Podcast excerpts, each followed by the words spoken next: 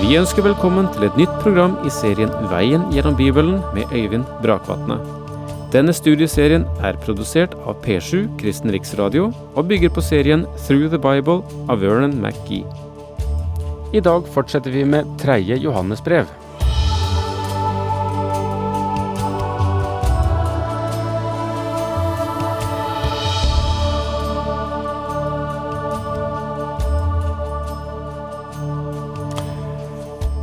Vi kan si at eh, holder vi de tre Johannesbrevene sammen,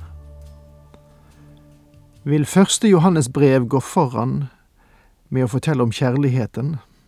Men merk deg, kjærligheten slik Johannes definerer den og beskriver den, er ikke noe utflytende dvaskt. Kommer vi til annet Johannes brev, så knyttes kjærligheten sterkt sammen med sannhet, og sannhetsbegrepet får en klar oppreisning og hvitvasking hos Johannes. Og sannheten er helt grunnleggende for at kjærligheten skal kunne fungere rett. Og når vi kommer nå til tredje Johannes brev, eksemplifieres, eller illustreres det, hvordan sannhet og kjærlighet løper sammen, eller hva som skjer hvis kjærlighet og sannhet ikke løper sammen. I dette siste brevet er det tre personer som utgjør hovedinnholdet av brevet, og deres forskjellige livsvirkelighet, eller den livsvirkelighet de presenterer eller eksponerer, står for. Og da kan vi eh, få se at vel var det mange som gikk mot martyriet, og mange som sto for sannheten helt til den bitreste slutt i den første kristen tid. Men ikke alle gjorde det. Det var forskjell på mennesker da som det er nå. Vel, gled deg, eller kjenn deg skremt av det vi skal møte når vi nå går inn i Johannes tredje brev og begynner på selve teksten. Introduksjonen gjorde vi under sist. Altså rett inn i teksten. Første brev, nei, første vers i det tredje brev. Den eldste hilser den kjære Gaius, som jeg elsker oppriktig. Før vi sa farvel til hverandre sist, sa jeg at den eldste det er den samme termen som Johannes brukte på seg selv også i andre epistel. Det kan henvise til alder. Johannes er i 90-årene når han skriver dette brevet, og han er absolutt en presbyter, en eldste, hva angår alder. Han er pensjonist, men en eldste taler også om en tjeneste i den første menighet, og Johannes kunne sannelig også påberope seg den. Faktisk kunne han ha løftet seg høyere enn det han gjør i dette brevet, han kunne ha sagt Jeg er en apostel, men det gjør han ikke. Gaius er en venn, og du skriver ikke slik til din venn. I det minste skriver ikke jeg slik til en personlig venn. Johannes skriver til en personlig venn, og han sier ganske enkelt, Den eldste hilser den kjære Gaius. Og jeg liker denne hilsen. Johannes' brev er adressert til en troende i den første menighet ved navn Gaius. Gaius var en elsket bror i menigheten. Fire ganger kaller Johannes ham den kjære eller elsket, nemlig i versene én, to, fem og elleve. Johannes kjenner ham og elsker ham i Herren, og han skriver nå et brev til denne broderen som åpenbart er aktiv i en lokal menighet. Som jeg elsker oppriktig, skriver han. Eller som det står i den gamle oversettelsen, som jeg elsker i sannhet. I og med denne formuleringen får vi et signal om at Gaius fører en sunn lære. Han aksepterte Kristi guddom. Gaius er en mann som sto for sannheten, og han ikke bare sto for den, men han arbeidet for den også. Her er en mann som vandret og virket i kjærlighet. Han gav kjærligheten et navn. Du må tenke rett om du skal handle rett. Og det er sant på ethvert livsområde også i dag. Min kjære, først og fremst ønsker jeg at du får være frisk og ha det godt, like godt som du har det åndelig. Min kjære, ja, Johannes må ha hatt høye tanker om Gaius og stått ham svært nær.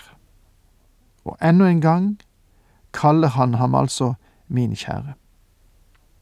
Først og fremst ønsker jeg at du får være frisk og ha det godt.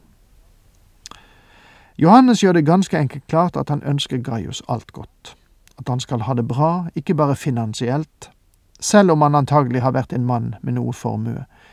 Men Johannes sier også jeg håper at helsen din blir bedre også. Det virker som Gaius ikke har vært fysisk sterk. Like godt som du har det åndelig. Og Johannes ønsket at hans sjel fortsatt skulle ha det bra, at han skulle vokse åndelig slik han til nå hadde gjort. Det finnes kanskje altfor mange av oss kristne i dag som er åndelig syke. Deres fysikk er det ingenting i veien med, men når det gjelder den åndelige situasjonen, er helsesituasjonen ikke god. Det er bra for et Guds barn å være ved god helse, både fysisk og åndelig. Fysisk god helse er en vidunderlig gave. Mange av oss satte kanskje ikke nok pris på den før vi mistet den. Og det er viktig å ha god helse åndelig sett. Det den fysiske helse er for legeme, det er hellighet for det åndelige liv i den troende. Å være ved god helse åndelig er at helliggjørelsens verk går frem. Det er å vokse i nåde og i kunnskap om Kristus. Det var mange på den tiden som reiste rundt og forkynte Guds ord og drev misjonsvirksomhet. Gaius åpnet sitt hjem for dem og stelte pent med dem. Han var ikke bare en mann med et stort hjerte. Han vandret ikke bare i kjærlighet, men han vandret også i sannhet. Og han hadde prøvet disse lærerne, og på tross av sin skrøpelige helse var han svært aktiv i det å ha det åpent og gjestfritt i sitt hjem. Det var en stor glede for meg da noen av brødrene kom og fortalte om din troskap mot sannheten. Du lever i den. Mange av disse reisende evangelistene og misjonærene ga tilbakemelding til Johannes om denne sjenerøse Gaius og hans vandring i sannhet. De sa, når du kommer til den menighet der Gaius er en av lederne, så møter du en strålende personlighet. Det er ikke bare det at han er relativt velstående, men han er også en romslig person. Han er sjenerøs. Han tok imot meg i sitt hjem. På den tid forla de ikke reisende predikanter på et gjestgiveri eller et hotell. Nå får vi kanskje legge til at de små vertshusene i det romerske riket var ikke særlig tiltalende. De var skitne, det var alltid veggdyr og et sted der synd og råskap florerte. Hjemmene, og kanskje særlig de kristne hjemmene, var totalt annerledes. Det var en stor glede for meg da noen av brødrene kom og fortalte om din troskap mot sannheten, du lever i den. Dette er et vitnesbyrd som de andre ga om Gaius. Dette var deres vurdering av ham. Sannheten er faktisk læren og undervisningen til apostlene. Men dette henviser ikke bare til læremessig sunnhet, men også til hans livsførsel. Tegnet på en troende er at de vandrer i sannheten. Sannhet er det som dominerer. Selve dreiepunktet for en kristen er om han vandrer i sannhet og vandrer i lyset. Det er ikke hvordan du vandrer, men hvor du vandrer, som er viktig. Lever du i sannheten? Det å leve i sannheten, eller vandre i sannheten, betyr også å leve rett og ha kjærlighet til dine trossøsken. De som reiste rundt for å undervise i den første menighet, kom også til byen og menigheten der Gaius var, og i hans hjem fant de alltid åpne dører, vel å merke om de vandret i sannheten. Gaius hadde en åndelig utskillingsevne. Han kunne fortelle hvem som var ekte troende, og hvem som ikke var det. Og alt du trenger for å fastslå det, er å forsikre deg om at et menneskes forhold til personen Jesus Kristus er slik Bibelen taler om den. Du må tenke rett om ham for at du også skal kunne være rett i alt annet. Og disse brødrene vitnet for Paulus. Vår bror Gaius prøvde oss ut. Han fant ut om vi trodde på Kristi guddom eller ikke. Han var snart klar over om vi trodde på jomfrufødselen, om vi trodde at Kristus døde en forsoners død på korset og ble oppreist legemlig fra graven. Da han fant ut at vi trodde disse ting, så åpnet han sitt hjem for oss og tok imot oss, og vi fikk personlig erfare at han virkelig har kjærlighet til brødrene. Hans hjerte var åpent for oss, og han favnet oss. Hvilket vidunderlig vitnesbyrd denne Gaius hadde i store deler av den kristne verden. Ikke noe gleder meg mer enn å høre at mine barn lever i sannheten. Dette er en stor trøst, dette er en vidunderlig oppmuntring. Ikke noe gleder meg mer enn å høre at mine barn lever i sannheten.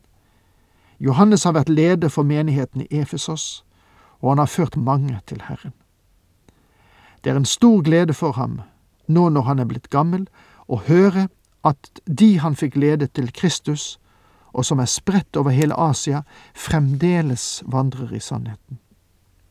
Og her møter vi igjen dette å leve i sannhet, som betyr å leve i rett lære og i kjærlighet for medkristne.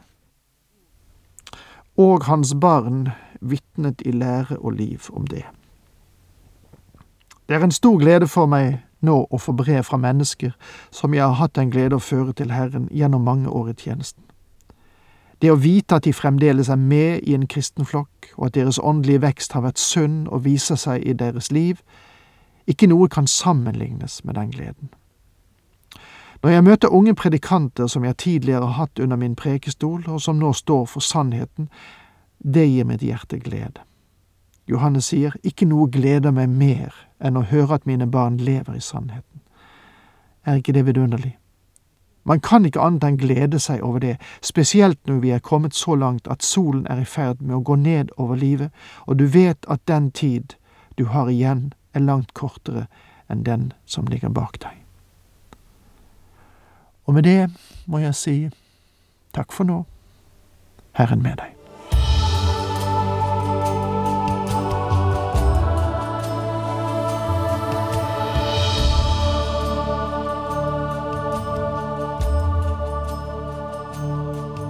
Du hørte Øyvind Brakvatne i studieserien Veien gjennom Bibelen. Serien bygger på et manus av Vern McGee. Har du spørsmål eller kommentarer til programmet, kan du sende en e-post til vgb krøllalfa p7.no. Takk for i dag, og på gjenhør.